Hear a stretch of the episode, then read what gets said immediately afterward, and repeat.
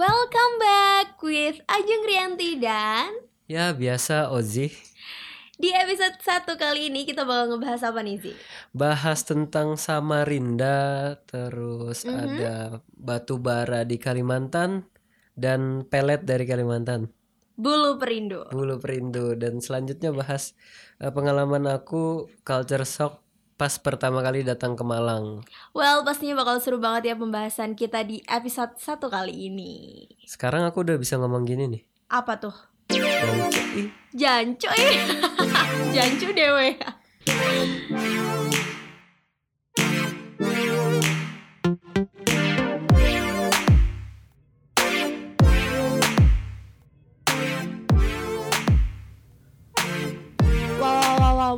Wah wah wah wah gila sih ini gila gila gila gila gila. Apanya yang gila? Itu responnya dia bisa awal tuh bener-bener yang gila Ekspektasi aku banget dan di luar kayak dugaan aku. Emang gimana dugaanmu? Ya aku sih uh, awalnya nggak menduga bahwa responnya bakal sebanyak itu dan juga sepositif itu gitu loh. Jadi aku ngerasa kayak oh my god, circle kita tuh circle-circle orang yang support banget gitu. Banyak apanya emailnya cuma dua Ya kan email di email cuma dua kan, tapi di DM terus di teks, terus habis itu aku juga di line juga di WhatsApp juga sama teman-temanku yang kayak mereka nggak nyangka banget aku bikin podcast dan juga itu bisa reels di Spotify terutama ya kan, Heeh. apalagi tuh platform musik yang aduh siapa sih yang hari ini nggak punya Spotify? Iya Terus lagi kayak pembahasan kita dan lain sebagainya ini bener-bener kayak project rahasia yang tiba-tiba datangnya boom gitu aja gitu sih Ya teman-temanku juga banyak nge-support sampai yang kayak icon apa ayo ayo Arema di storyin teman-temanku. beneran Ayo ayo Arema aku bilang, apa sih ayo ayo Arema? ya teman-temanku banyak ngedukung dan ya itu kayak buatku udah kayak bensin buat ngelanjutin sampai sini. Iya bener, aku juga apalagi ada kan pagi-pagi tadi aku bangun tidur terus ngeliat WA dan itu temanku pagi-pagi udah dengerin podcastnya Ajeng nih gitu-gitu terus aku yang kayak oh my god maksudnya sepositif ini gitu responnya dan aku bahkan nggak nggak meminta mereka untuk testimoni dan segala macem mereka udah ngasih sendiri kayak oh ini kurang kayak gini oh eh, kamu kayak gini-gini udah kayak kasih komen kasih suggestion kasih dukungan itu sih yang aku suka Ya senang banget sih akhirnya Mm-hmm. sampai sekarang. Kan kamu kemarin habis apa deactivate ins- Instagram. Tiba-tiba sebulan langsung keluar. Iya sih, tiba-tiba langsung keluar dan bikin post podcast apalagi sama Ozi yang kita tuh sebenarnya udah se udah kenal ya dari dari kita maba. Iya. Ya, tapi kita nggak deket ya, maksudnya deket sebagai teman kelas udah gitu aja dan tiba-tiba kita kolaborasi bareng dan itu bikin hmm mengguncang sana sini.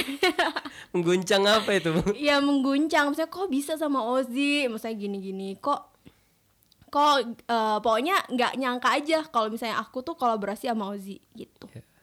Gitu apalagi Ozi kan terkenal yang cuek yang sok cool gitu yang kayak nggak Ya. banyak ngomong Ya dan ternyata Allah. sekarang harus ngomong di depan mikrofon gitu. Ya, terpaksa ngomongnya. ya, anyway ya di podcast kali ini kita udah sampai di episode 1 wah finally episode 1 akhirnya. Akhirnya satu ada juga nggak ayo ayo Arema dan kali ini mungkin kita akan lebih membahas deep deeply ya tentang kamu kayaknya sih nggak deep deep banget sih. nggak deep deep banget ya pokoknya tentang seorang Ozzy lah. Jadi kalau misalnya kamu penasaran banget sih siapa partnerku yang suaranya cool banget ya itu adalah Ozzy dan hari ini dia akan bercerita banyak. Jadi tolong didengarkan baik-baik ya para wanita-wanita di luar sana. Ya Allah. Oh ya minggu lalu eh di podcast yang ke episode 0 kan Ozi udah cerita kalau dia dari Samarinda Nah sekarang ayo dong ceritain ke aku Gimana sih Samarinda itu? Buat aku yang nggak pernah ke Samarinda seolah-olah aku merasakan bahwa aku lagi di sana Samarinda. Samarinda itu kalau dibanding Malang, iklimnya itu bisa dibilang panas sih. Panas banget ya Apa Malang yang dingin ya? Kalau Malang emang selain orangnya keren kan kata kamu ya eh, Cuacanya juga keren bersahabat banget ini. Ya gitu sih kalau menurut aku. Terus keren terus. Terus. Ketika kamu ke Samarinda mungkin orang kayak nganggap Kalimantan itu hutan semua ya? Emang hutan semua? enggak. Kan Samarinda kota ibu kota Ya kan siapa tahu kotanya itu ada di pertengahan, di Ah. persempilan dan untuk masuk ke kotanya itu kamu harus ngelewatin kayak banyak sekali hutan-hutan. Iya benar ngelewatin kan dulu nih di Samarinda belum ada bandara Mhm. jadi dulu biasanya turunnya itu di Balikpapan dan itu lewat Bukit Soeharto dan lewat hutan-hutan baru sampai ke Samarinda Jauh juga ya? Tiga jam gitu Uh. Terus kalau misalnya ada urgent sesuatu yang urgent tuh nggak bisa langsung landing di Samarinda ya? sekarang bisa Oh sekarang bisa. Sek- udah ada bandara baru Hmm, berarti kalau hmm, kemarin-kemarin harus ke Balikpapan ke dulu. Balikpapan terus perjalanan tiga jam ke Samarinda lewat hutan-hutan namanya Bukit Soeharto Primitif banget ya berarti Samarinda nggak ada nggak ada bandara. ini nih stereotip ini padahal ibu kota kok nggak ada bandara Ya kan baru Iya, kan, ada bandaranya cuma kecil Oh cuma kecil. ya dulu Sekecil apa? bandara Temindung kecil Hmm. nggak tahu deh kayak pokoknya pesawat yang komersil dari Surabaya itu nggak bisa masuk ke Samarinda di Temindung nah Oh, sekarang gitu. udah bisa Oh sekarang udah digedein. Heeh, bukan di Temindung tapi ada bandara baru Oh gitu. Berapa tahun tuh bikin bandara? Lama ya pasti. nggak tahu tanya aja pemerintah ya kan kamu sebagai warga sana kan harusnya kamu tuh tahu. Oh bandara ini dibuat tahun 2000 berapa, selesai berapa. Kamu tuh kan nggak perhatian banget sama Samarinda. ya udah baru selesai baru bahkan penerbangan dari Surabaya barusan ada Januari ini Hmm. Oke, bandara barusan dibikin. Oh ternyata maju Malang ya? Wah, enggak Malang kan nggak punya juga bandara Eh, yang ada. langsung bisa ke Abdurrahman Saleh ada? Abdurrahman Saleh kan nggak bisa ke itu Iya sih. Iya. Iya kan harus ke Surabaya dulu. eh, Surabaya gitu dah ya itu Iya. bandara Samarinda dulu mungkin kecil kayak gitu nggak bisa Hmm. ke mana-mana nggak international airport lah Hmm, hmm. Nah, terus Selain itu, Samarinda itu dibelah sungai namanya Sungai Mahakam di belah sungai, berarti ada dua tempat gitu. Maksudnya sungainya di tengah-tengah gitu. iya jadi ada Samarinda seberang Mhm. sama Samarinda kota lah Ih, keren banget kayak Iya. di film-film gitu ya. kayak Eh kalau lihat dari atas pesawat kan keren ya, tuh, ada kelihatan belahan di ada tengah-tengah gitu. Samarinda seberang dan Samarinda kota Hmm, bisa dibuat Iya. renang nggak sih tengah-tengahnya laut? bisa kalau kamu kuat berenang sih Oke. ya su- sungainya itu beda sama di sini kalau di sini kan sungai kayak batu-batu terus jeram eh, harus jeram gitu nah kalau di sana kan sungai kayak benar-benar besar sungai nggak ada batu-batu terus dalam gitu Sedalam apa tuh? Sedalam perasaan. Iya. apa sih ya maklum ini kan efek-efek peternak lukanya masih ada. Ya, promosi Oke lanjut lanjut. Udah nih aku udah bisa bayangin kalau misalnya Samarinda tuh hutan-hutan. Terus Nggak- habis nggak itu hutan-hutan, Iya kan lewat tadi- hutan-hutan. Mm-mm, lewat hutan-hutan. Maksud aku itu. Mm-mm. Terus tengahnya itu ada sungai yang memisahkan eh, Samarinda apa?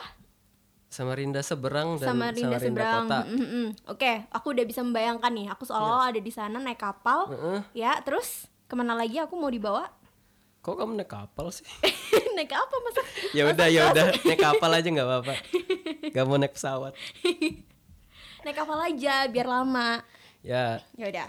Samarinda jadi Samarinda itu kayak orang-orangnya tuh banyak kayak bukan cuma orang Samarinda atau orang suku Banjar. Jadi kayak ada suku Bugis terus Jawa terus dari Sumatera dan segala macam itu jadi satu di situ. Tahu nggak sih namanya apa itu kalau jadi satu gitu? Melting pot. ya melting pot. Oh, I see. Jadi selain apa? Selain suku ya, berarti ya. Suku yang jadi satu berarti gimana dong bahasanya? Ba- ba- Bahasa komunikasinya? Ya, kan melting pot otomatis eh, bahasa komunikasinya ada bahasa Indonesia sebagai bahasa Pengantarnya? ya pengantar. Nah, bahasa Indonesianya terpengaruh dengan bahasa yang dominan sih bahasa Banjar dan bahasa Banjarnya itu kecampur bahasa Indonesia, terus bahasa Sulawesi dan Oke. Jawa gitu.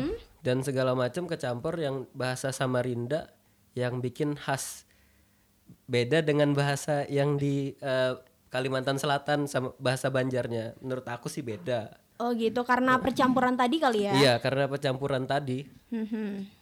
Dan itu kayak ngebuat kalau di teori sosiolinguistiknya variety dari bahasa Banjar itu sendiri. Hmm. Tapi masih bahasa Banjar sih. Cuma mungkin karena udah kecampur-campur jadi nggak yang uh, asli original Iya. dari Banjar gitu. Gitu. Oke, berarti Samarinda itu melting pot dan di sana banyak banget suku ras dan segala macamnya. Bahasanya juga udah berkolaborasi ya, Kolaborasi. berkolaborasi. Terus apalagi? Ayo, aku mau dibawa ke mana lagi nih? Nah, dari situ di Samarinda kalau eh li- mungkin terbang lewat Samarinda, Mhm. orang dulu sih bilang kalau naik pesawat pesawat eh, itu ngelihat itu Ngeliat apa? lubang-lubang tambang Lubang-lubang tambang dari atas. dari atas. Aku sih belum pernah turun di Samarinda. Sejauh ini turunnya di Balik papan. Balikpapan udah hampir satu tahun belum pulang. Waduh, durhaka banget nih ya nggak pulang ya. Oke, lubang-lubang tambang. Hmm, lubang-lubang tambang. Nah, lubang-lubang tambang itu kan sebenarnya harusnya di, ditutup nggak sih? Kan analisis dampak lingkungannya harusnya Ditutup ketika iya perusahaan harusnya setelah menambang itu ditutup. Iya sih biar nggak ada efek Iya, ke lingkungannya kali Efek ya. lingkungan banyak sih. Kan dia yang menuai uang terus Iya. kita yang kerepotan kena banjir dan segala macam. Oh, jadi itu bisa menyebabkan banjir juga di sana. Bisa. Berarti sering dong? Samarinda banjir terus kata orang. Really? Iya. Terus itu gimana kamu rumah kamu? Rumahku enggak sih. Rumah kamu nggak jauh dari tempat pertambangan? eh jauh sih. Lumayan. Eh, eh, lumayan. Ya terus Mhm. soal tambang, jadi kan tambang itu aku waktu kecil nih zaman-zaman SMP Mhm. kayak diajak temanku ke kolam tambang. Kolam tambangnya itu kalau kamu lihat itu kayak biru kayak danau keren banget. Padahal itu isinya yaitu Kimia. bahan-bahan kimia yang kecampur makanya airnya jadi biru gitu. Oh, I see. Berarti beracun dong ya? Beracun sih. Beracun. Nggak nggak ngerti juga kan aku bukan orang kimia, tapi kan itu bahan-bahan kimia dan segala macam. Ada nggak sih ikan yang hidup di sana? Ikan itu nggak bisa hidup di sana, tapi ada satu ikan yang bisa hidup. Oh ya, apa tuh? Eh ikan nila kalau nggak salah. Ikan Ya, nila. Cuma ikan nila doang yang bisa hidup di situ. Dan Hmm. kayak ada beberapa eh, kasus kayak yang di aku sempat diskusi anak muda pas pulang beberapa Mhm. waktu lalu pulang katanya kolam-kolam tambang itu ada yang dijadiin tambak-tambak ikan gitu ikan nila. Hmm. Aduh, berarti kalau misalnya dijadiin tambak ikan ya sebenarnya ikannya nggak sehat dong. Kalau hidupnya di Ya, air kimia gitu. Ya kecampur dengan Iya, bahan-bahan makanya. kimia. Ikannya kuat. Kayak dia udah ini deh, Iya. udah pakai eh apa sih vaksin. vaksin. vaksin. Jadi ikan lain anti vaksin gitu. Oke, terus selain di sana banyak apa kolam tam kolam tambang ya? Mm-mm. Kolam Ya, tambang. Tambang itu jadi banyak korban juga memakan korban. Oh, serius? Iya, jadi kalau kalian mau tahu bisa lihat di eh, Instagram itu ada Jat- Jatam jaringan advokasi tambang itu sering nge- ngeberitain soal tambang-tambang bahwa tambang di Kalimantan Timur itu udah memakan 30 lebih korban loh. Wow, 30 lebih korban dan Wow. itu ditindaklanjuti nggak sama pemerintah? Jadi ada itu. ada satu video yang buatku kesel sih kayak ngelihat video ditanya "E, gimana respon Bapak mengenai soal eh, 30 orang yang sudah meninggal. Terus Bapak gubernur ini ngomong "E, ya itu nasib katanya. Ya kes siapa sih yang nggak kesel kalau dia ngomong kayak gitu? Kalau ngomong cuma ya itu nasib semua orang juga bisa bilang Iya. kayak gitu ya kan maksudnya ini nggak ada solusinya loh masih belum ketemu loh solusinya Ya gitu. Nggak tahu seka- sekarang udah ada solusi atau gimana ya nggak nggak nggak nggak ada ngikutin lagi aku berita yang itu tentang 30 korban meninggal. korban Heeh. iya iya iya wow apa ini juga udah melebar ke mana-mana maksudnya apakah em, kolam tambang ini udah menjalar keluar Samarinda atau masih di sekitaran sana Tambang itu mungkin di Kalimantan banyak banget sih. hmm Udah yang paling banyak mungkin di Kalimantan Timur ya. oke Iya, paling banyak. terus ada nggak sih kayak misalnya em, melakukan peng- pengeboran ya Pengeboran. pengeboran tambang Iya. Nggak sih jatuhnya Heeh. Nah itu di sekitaran rumah masyarakat atau mungkin tempat sekolah gitu ada nggak sih? Ada itu kasusnya yang barusan itu kayak longsor gara-gara areal tambangnya itu dekat dengan pemukiman yang harusnya kan harusnya jauh. Iyalah harusnya Iya. berpuluh-puluh kilometer bahkan ratusan kilometer biar dampaknya nggak sampai ke masyarakat Iya. kan ya? Ya itu sih yang yang dapat untung orang-orang yang ya ibaratnya yang punya tambang dan segala macam ya kami masyarakat Samarinda yang menerima nanti beberapa tahun kemudian. Wow. Ya kita doain aja ya Semoga nanti generasi-generasi penerusnya di Kalimantan sana bisa melakukan sesuatu yang itu membuat Kalimantan mungkin bisa terpecahkan solusinya kayak gitu. Amin. Soalnya kan kalau misalnya sekarang kita nggak bisa jagain pemerintah aja Tapi gimana caranya sebagai kita sebagai generasi muda juga turut andil gitu Bener. Oke, ada lagi nih yang aku identik banget sih sebenarnya. Aku ini sebenarnya udah lama sih. Udah pengen lama nanya, ya? Pengen nanya, cuma kayak takut-takut gitu. Apa sih? Itu katanya nih ya katanya Heeh. di Kalimantan itu Ini ada nih. ada pelet yang namanya tuh bulu perindu bener gak sih? Yang dijual di sini di pasaran di Jawa dan itu sebenarnya datangnya dari Kalimantan. Kalau di sini harganya mahal dan itu di sana mungkin dijual gratis atau gimana? Aku nggak tahu sih. Gimana tuh? Dijual juga di sana jadi kayak ada Berarti nggak dikasih gratis? Kecuali dikasih sama keluarga atau gimana. Dan itu aku punya pengalaman pribadi tentang Bulu perindu. bulu perindu itu. Oh, jadi, kamu make. Sekarang udah hilang. Sekarang udah hilang. Ya udah jadi aku ceritain Oh, iya kenapa sih aku bisa dapat Bulu perindu. bisa punya bulu perindu. Gimana? Jadi awalnya ini pas bulan puasa bang, bulan puasa ya bulan puasa. Mhm. Biasanya ngadain bukber bukber gitu nggak sih alumni? Iyalah, pasti, pasti, pasti. Nah terus aku ngadain bukber kan sama teman-teman SMP, aku teman SMP. Terus aku di depan rumah temanku, Mhm. eh, lagi nungguin temanku Iya. mau Ngapain? ngejemput, ngejemput. Oh, ngejemput. Heeh. Terus tiba-tiba ada bapak-bapak datang kayak capek gitu bawa tas besar. Ba- Mhm. Bapaknya bilang, "Nak bisa bantu saya nggak anterin saya eh, ke pelabuhan?" Kayak Mhm. nyebrang kan rumahku di Samarinda seberang. Dia mau nyebrang ke Samarinda kota. Oh, gitu. Ya. Terus Nah, nye- biasanya nyebrangnya tuh naik kapal. Nama Mhm. kapalnya Tambangan. tambangan. Tambangan naik kapal. Terus nah bapaknya bilang kayak gitu, "Ntar saya beliin bensin deh, Nak." Ya. Oh iya, Pak, sebentar saya eh, bilang dulu sama teman saya di dalam. Ya udah aku masuk deh sama temanku. Terus Temanku masih mandi. Mhm, Ya udah terus akhirnya aku ngomong gitu kan. Udah setel- setelah selesai aku datangin bapaknya, "Iya, Pak." Terus sebelum bapaknya itu naik ke motorku, bapaknya bilang, "Nak, saya kasih ini aja." Apa itu, Pak? Gua tanya. Terus bapaknya ini kayak ngeluarin sesuatu di dari dompetnya. Dan itu dibungkus kayak aluminium foil rokok gitu. Aha. Heeh, di dalamnya tuh ada kayak Bulu. itu, kayak bulu dua bulu perindu. Dan itu katanya sih satu pasang. Oh, gitu. Iya. Itu bulunya kayak bulu apa? Bulu ayam enggak? Bulu merak. Enggak, enggak, enggak. kayak akar-akar gitu bulu perindu. Oh, iya iya iya iya. Nah, terus dari dari dikasih itu kan aku tanya ini buat apa, Pak? Mhm. Ini buat rejeki, Nak. Oh, buat rejeki. Diapain, Pak? Disimpan aja di dompet sama jarum. Jadi aku dikasih itu. Nah, terus terus bapaknya ngeliatin aku, bulu perindunya itu dikasih dijilat dikasih air liur, bulu perindunya itu kasih saling melilit.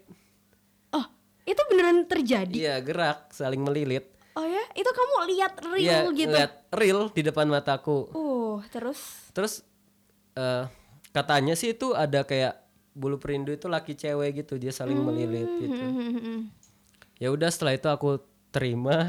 kamu nggak nanya ini Kan- gimana makainya? ya nggak tahu ya. Kamu nggak nanya? Nggak gitu? nanya. Nggak, Cuma bapaknya bilang buat rezeki. Oh ya udah. Ya ya Pikir, udah hmm, buat rezeki ku simpan, terus ku antar bapaknya. Udah balik mhm. eh, jemput temanku lagi. Terus di rumah aku penasaran. Terus Terus terus. aku browsing nih. Oh, Ini apa sih bulu perindu? bulu perindu. browsing bulu perindu ketemu bulu perindu. Jadi bulu perindu itu cara makainya katanya oh banyak deh kulihat cara makai makainya ada baca bacaannya dan segala macam. Mhm. terus pas di situ aku ketemu ada cerita bahwa dia nyimpan bulu perindu terus dia ditidurin kuntilanak. Ih serem banget. Terus gue bilang anjing masa aku ditidurin kuntilanak? Panik kan di situ. Terus? Ya udah terus antara percaya dan tidak percaya sih kusimpan kan. Ya penasaran ditidurin beneran? Enggak. Terus penasaran lagi aku browsing lagi. Ada cerita yang baru ditidurin genderuwo katanya. Anjing tadi kuntilanak sekarang genderuwo. Aduh terus lama-lama semuanya deh ya. Iya. semua alam-alam kan aku pernah ya penasaran gimana sih sebenarnya cara pakainya.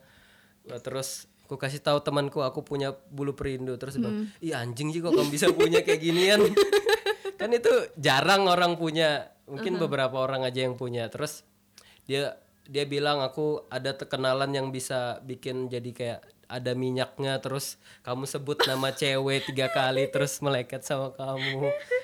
Ya. Oh jadi kalau misalnya kata temenmu kalau misal bulu perindu bulu perindu itu dipakai cewek-cewek bakal melekat gitu ketika Iya. kamu sebut namanya. Iya. Kalau kamu sebut nama orang 20 berarti 20 puluhnya akan mengejar-ngejar kamu gitu. sejauh ini belum ku coba sih Ya kamu sih Zi itu kan kesempatan langka harusnya kamu coba dong dengan kayak gitu kan kamu bisa ceritain ke aku Iya. harusnya. ya aku kan awalnya ya percaya nggak percaya aja ya udah aku taruh gitu deh di dompetku kayak beberapa bulan aku nggak nggak pernah aku pakai rezeki juga aku. Ya. Nggak ada juga rezeki. Terus akhirnya sekarang bulunya ke mana? nah kan aku simpen di dompet doang. Terus pas eh, udah mungkin sekitar satu tahun pas ku, sim, ku buka lagi itu hilang bulu perindunya. Hilang. hilang. Tiba-tiba? Tiba-tiba. Jatuh kali. nggak tahu. Jadi hilang doang gitu sisa. Yang ada jarumnya. Kalau jatuh kan jarumnya juga hilang Kayaknya dia ngambek deh sama kamu. Soalnya nggak dipakai-pakai. Terus kan dia kayak kesel, Iya. ini gimana sih si Ozzy nggak pakai-pakai? Udah aku pergi aja ke cari majikan yang lain gitu. terus aku browsing lagi Ah. wah ada cerita yang bilang bulu perindunya itu harus dirawat dan segala macam kalau nggak Hmm. dirawat nanti dia bakal hilang ya udah ya udah, emang bukan rezekinya. bukan rezekinya buat aku Iya. melet-melet orang Oh iya nih nih satu lagi nih. Selain pelet ini ya, ada nggak sih eh, mitos lain kan kalau di Jawa itu kan kental banget ya adatnya ya. Mm-mm. Jadi banyak banyak hal banyak hal yang katanya ya entah itu mitos bagi yang percaya eh bagi yang nggak percaya itu mitos bagi yang percaya itu adalah sebuah yang sebuah hal yang memang itu bisa terjadi. Nah ada nggak sih selain selain pelet kayak suatu Kayak- adat kayak kayak, atau mitos-mitos gitu kebiasaan ya? Mm-mm, Heeh. adat Nah kalau mitos gitu di sana tuh ada yang unik namanya kepuhunan. Mungkin orang-orang satu Kalimantan tahu kayaknya. Kepuhunan Kepuhunan. kepuhunan Iya. apaan tuh? Kepuhunan jadi ketika aku makan es krim nih, Mhm. kamu kukasih harus nerima. Kalau aku nggak nerima Kamu bakal kecelakaan ditabrak motor apa gitu. apaan? apaan juga kan kalau misalnya aku lagi puasa gimana? Iya, ya nggak apa-apa. Oh ya nggak apa-apa. Kalau lagi kenyang Nyicipin paling enggak. ngicipin Iya. gitu harus banget ya. Terus Kalau Kalau misalnya nggak tawar, apa? nggak tawar kayak ih aku nggak suka nih es krim. Sorry aku sukanya yogurt. Ya Gimana? udah, terserah kan namanya mitos Oh, gitu. iya, iya, iya. Kamu mau percaya atau tidak ya silahkan. Tapi masih sering dibilang sebagai misalnya kamu ditawarin makan nih, kamu ke rumahku makan Mhm. nih, ntar eh, kepuhunan nyicip aja gitu apa ayamnya nyicip gitu. Oh jadi kalau kalau misalnya aku nggak mau nyicip bakal terjadi sesuatu gitu sama Iya. aku. Itu emang happen sampai Nggak- sekarang. Nggak misalnya kamu pernah nggak tahu cerita emang yang real kalau misalnya itu terjadi Ya kalau aku nganggap kecelakaan ya kecelakaan. kecelakaan ya musibah ya gitu musibah ya. ya udah. Kalau aku sih, tapi ada yang orang-orang yang percaya, yaitu ya terserah sih ya, terserah mereka sih. Oke, dan terus kan kamu setelah lulus SMA langsung pindah ke Malang, move to Malang. Nggak langsung pindah. Ya maksudnya pasti Ya, ada jeda lah. ya. Maksudku kamu ada nggak stay di Kalim? Eh kamu lulus tahun berapa sih? Sama kan kita kan? 2015, heeh. Sama kan? Ya berarti kan kita setelah SMA kan langsung kuliah. Heeh. Nah itu kan kamu langsung move tuh ke Malang. Terus Nah, dari itu kan menurutmu? 2015 kan Mhm. pindah ke Malang. Jadi aku datang ke Malang itu udah mepet banget mau itu kayak mos mos ospek gitu. Mm, mau ospek. Mau ospek. Nah, itu aku bingung nggak ada tempat tinggal. Oke. Ya, terus sebelum itu sebelum ospek ada zaman grup-grup lain fakultas gitu Oh iya iya bener aku dulu juga join kok. Masuk, nah. Join FIB kan ya. Iya, da- da- dari grup fakultas itu aku kan sebatang kara nih di Malang gak punya sama siapa. Iya terus Ya terus aku cari temen deh di grup fakultas ngebacot-bacot di situ. akhirnya ada respon nggak? Ada ketemu teman-teman Mhm. gitu. Nah, terus aku dibantuin sama mereka-mereka tuh cari tempat kayak kos. Mhm. Nah, dibantuin sama anak-anak FIB ini di Eh kamu dulu naik apa sih ke sini? Pesawat. pesawat. Oh iya terus. Ya itu naik pesawat kan aku dari Surabaya. Mhm. Jadi turun Surabaya terus dari Malang itu lewat itu Pandaan gak sih? Mm-mm. Ya. Naik bis. Enggak, naik travel. Oh naik travel. travel. Oh berarti kamu turun Surabaya terus travel Malang. Travel Malang terus sampai Malang. Jadi aku di guest house dulu. Hmm, Nah. Guest house UB sini. Bukan, guest house Jalan Bandung. Oh, Oke. Ya udah terus di situ kan aku udah ketemu teman-temanku nih. Dibantuin lah aku cari kos keliling-keliling di Kerto, di mana-mana keliling-keliling dan nggak dapat dapat tempat kos. Akhirnya? Akhirnya aku diajak dulu ke rumah temanku salah satu. Yaitu terus diajak kan ke rumah temanku. Ke rumah ke rumah temenku itu Anggap aja namanya X. Ya. si X ini. diajak terus aku ke rumahnya nah sebelumnya itu kayak bapaknya itu udah ng- ngomong ke aku dia mau nitip batu batu akik Kalimantan Oh gitu. ya kan lagi musim tuh yang 2015. akik-akik iya bener Ya, bener. bener. bapakku juga banyak punya akik-akik terus aku bawain lah batu-batu itu Nah, aku kasih terus aku ketemu ibunya temanku dan dia ibunya ini nawarin ke aku nah kalau mau eh, tinggal sementara di rumah aja nggak apa-apa sa- sambil nunggu dapat kos. Terus terus aku jawabnya iyo aku bilang gitu. Aku kan ke ke bawah suasana kan bahasa- aku jawabnya iyo. Terus eh ibu ibunya Terus ngomong gini responnya? ibunya ngomong gini nak kalau eh apa itu jangan ngomong iyo ngomongnya bahasa Indonesia aja karena itu nggak sopan kalau di sini nah terus temanku itu kayak ngomong ke orang tuanya maaf bu saya yang ngajarin gitu gitu Oh, si temenmu tuh emang dasar bukan ya dia kan? sebenarnya yang ngajarin emang salahku aja di situ Oh gitu. Eh Iya. tapi kamu diajarin bahasa aneh-aneh gak sih sama temenmu? Kan biasanya nih orang Iya. kalau dari dari luar yang nggak tahu Malang terus pasti diajarin kayak bahasa walian, bahasa slangnya Malang atau ya itu bahasa yang biasanya kan baru datang diajarin bahasa ngumpat-ngumpat tapi Iya, kamu diajarin juga nggak? diajarin kayak ngomong jancu apa segala macam diajarin dan aku sering ngomong gitu kan awal-awal Untung kamu nggak ini Iya. ya, nggak ngomong sama orang tuanya dia kayak Iya. gitu. Aku ngomong terus ibunya kan ngomong mending bahasa Indonesia aja ya terus dari situ aku sampai sekarang ya mencoba belajar buat bahasa Jawa kayak nje terus misalnya sudah ditanya makan atau enggak terus aku dijawab sampun kayak gitu-gitu Oh aku. iya iya iya benar benar benar. Nah, terus yang ngomong-ngomong soal bahasa kayak jancuk dan segala macam-macamnya itu eh, aku penasaran nih, ku tanya ke dosenku. Bu, kok kita kayak gampang banget sih belajar bahasa-bahasa yang ibaratnya kayak seperti itu? Terus ya jawabannya seperti ini karena itu yang ekspresif. Jadi gampang untuk menggambarkan gampang untuk menggambarkan gimana eh suasana hati kita ketika aku kesal ngomong itu, ketika aku Bahagia. bahagia ngomong gitu, terus kayak buat akrab sama teman kan kadang ngomong cuk-cuk juga gitu ya. Iya di sini emang kayak gitu udah Hmm. manggil semua kalangan ya mau baru kenal kek atau mau udah kenal lama bahkan kalau misalnya udah kenal lama tuh kata-kata cu itu udah udah yang kayak wah sering banget hampir kayak tiap hari hampir manggil aja dilontarkan. Iya, makanya pas makanya kalau ngomong sama orang tua di sini kan harus pakai kayak bahasa apa sih namanya?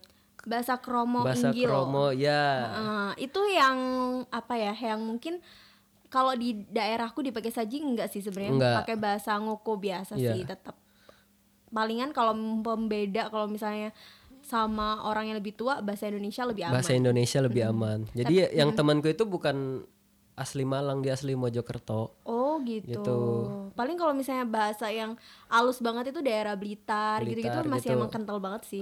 Kental banget. Nah dari situ kan kayak Malang itu ada kayak bahasa eh bukan Malang sih Jawa itu kayak ada bahasa ngoko dan kromo dan segala macamnya itu Iya benar. itu Tingkatan namanya bahasa. tingkatannya itu eh yang kita pelajarin di sosiolinguistik itu namanya poliglosia. Poliglosia. nah poliglosia itu kayak bahasa itu ada tingkatan-tingkatan high and low-nya. Mm-mm, bener.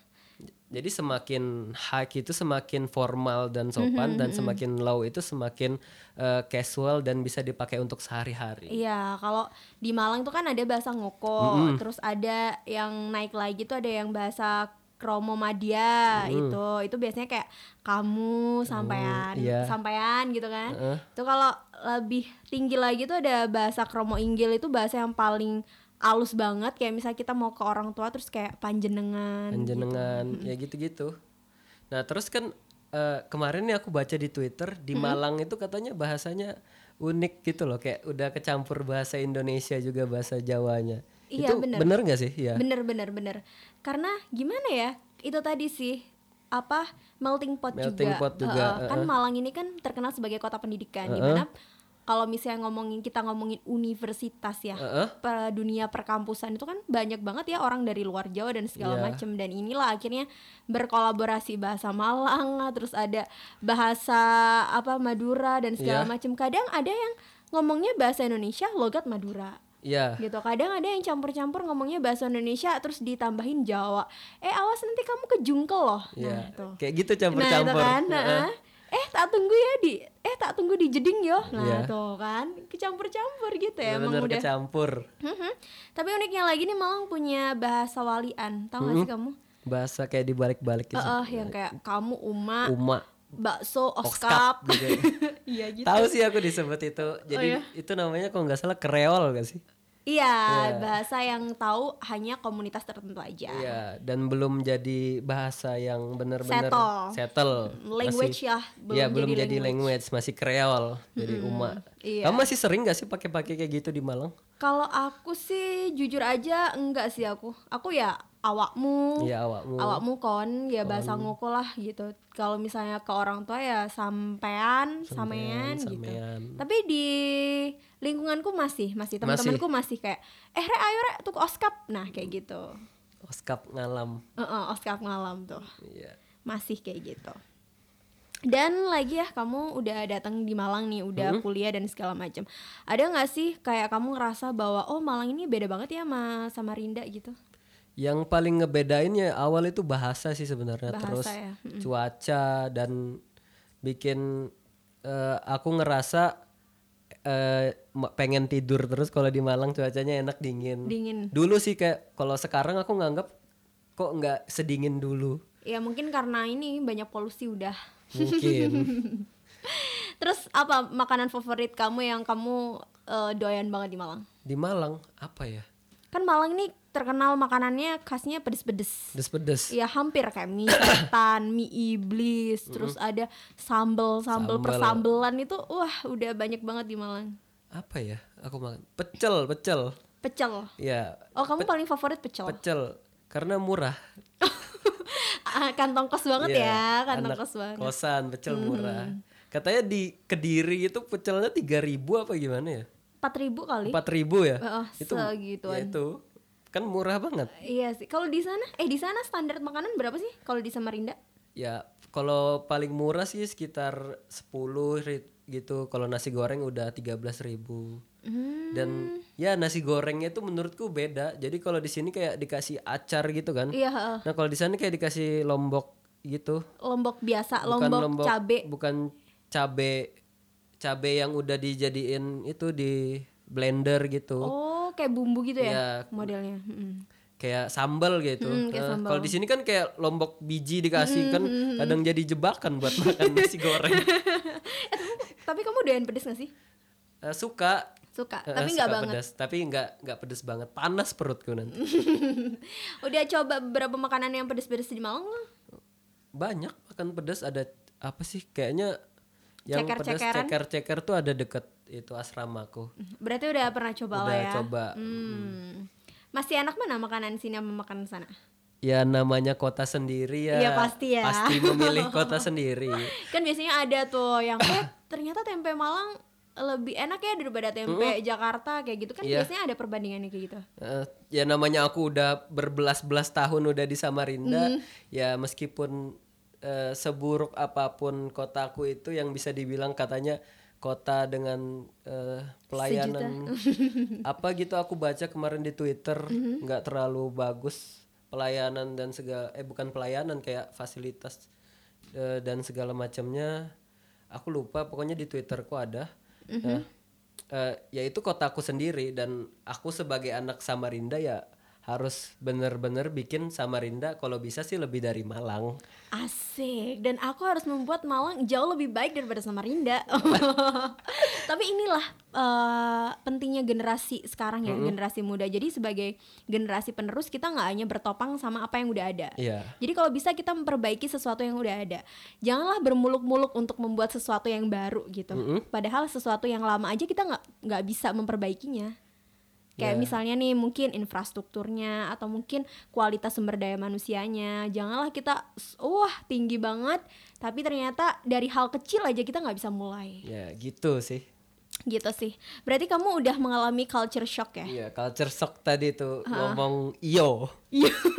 Soalnya kan kalau selama ini aku udah udah ngomongin juga kan di episode 0 kalau aku tuh nggak pernah ke mana-mana. Maksudku aku selalu stay di Malang dari sejak aku kecil sampai aku sekarang. Jadi aku belum pernah merasakan yang gimana sih rasanya culture shock gitu. Kan kamu udah ngerasain berarti ya? Ya, ya itu culture shock banget makanya aku bilang kayak ngerasa bersalah banget pas ngomong iyo itu.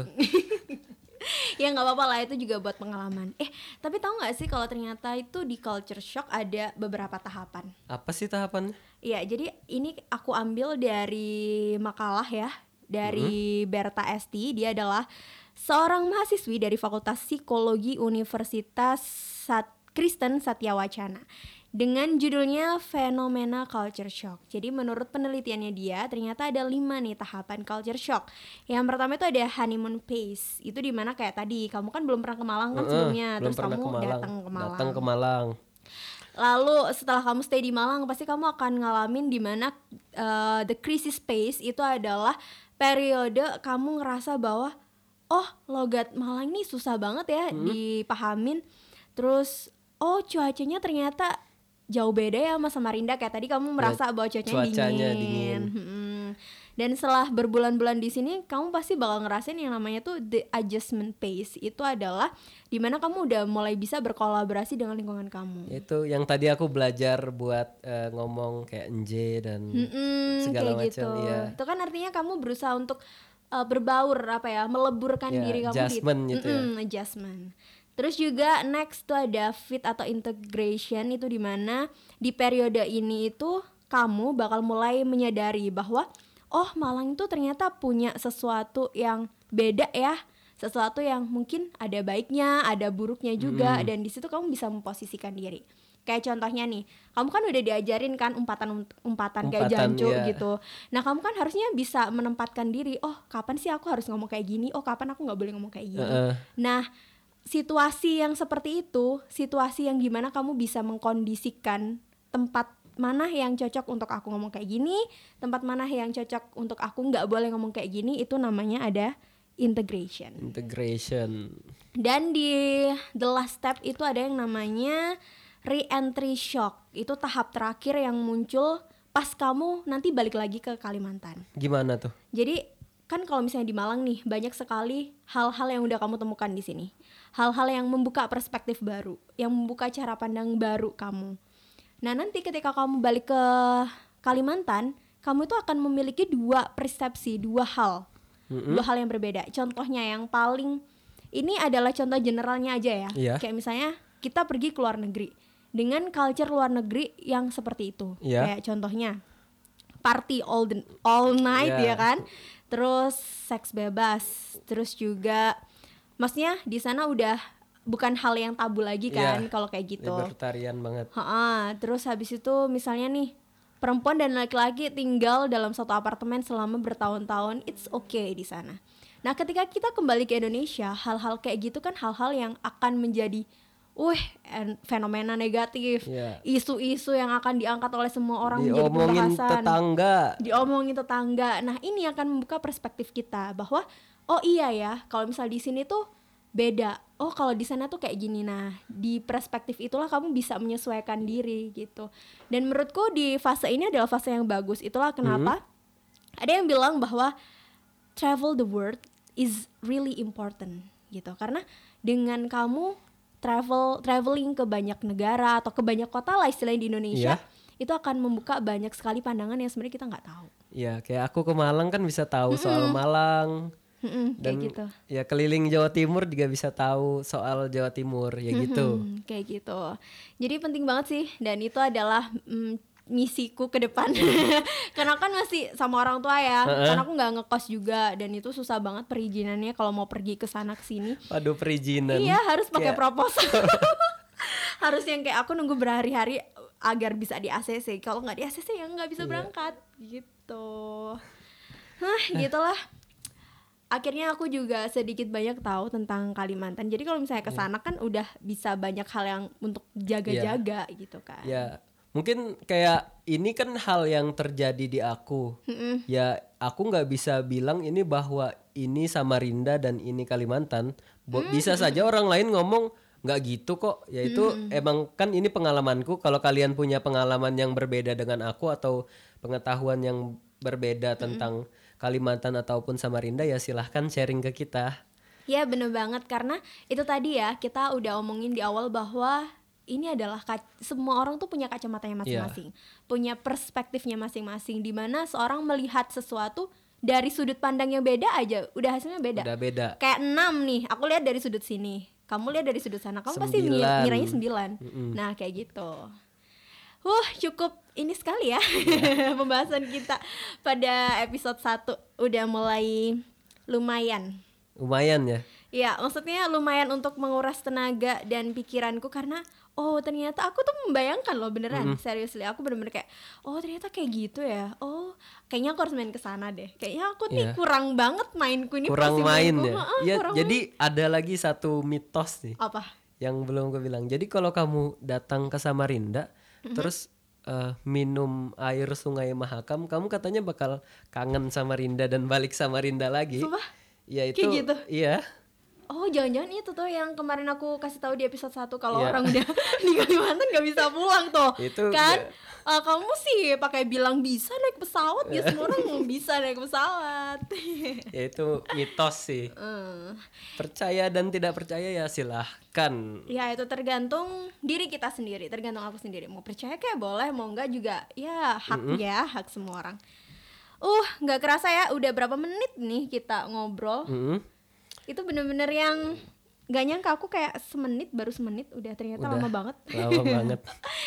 Anyway nih ya, kalau misalnya kamu juga punya cerita hal yang seru, hal pribadi yang ingin kamu sampaikan, atau kamu punya perspektif atau pandangan lain, bisa banget ya sharing sama Ya, kita berdua. Sharing di email kita dan kita bakal ya coba itu sih diskusi dulu ini pas nggak sih terus siapa yang bakal kita ajak buat ngobrolin ini. Mm-hmm. Karena misalnya kita diskusi tentang sesuatu yang nggak kualamin kan kayak kurang afdol gitu sih. Iya sih benar. Atau mungkin kita bisa lihat juga dari uh, sudut pandang yang sebaliknya. Bener banget. At least itu adalah hal yang sebenarnya berdekatan juga sama kita ya kan dan bagus juga untuk kita angkat.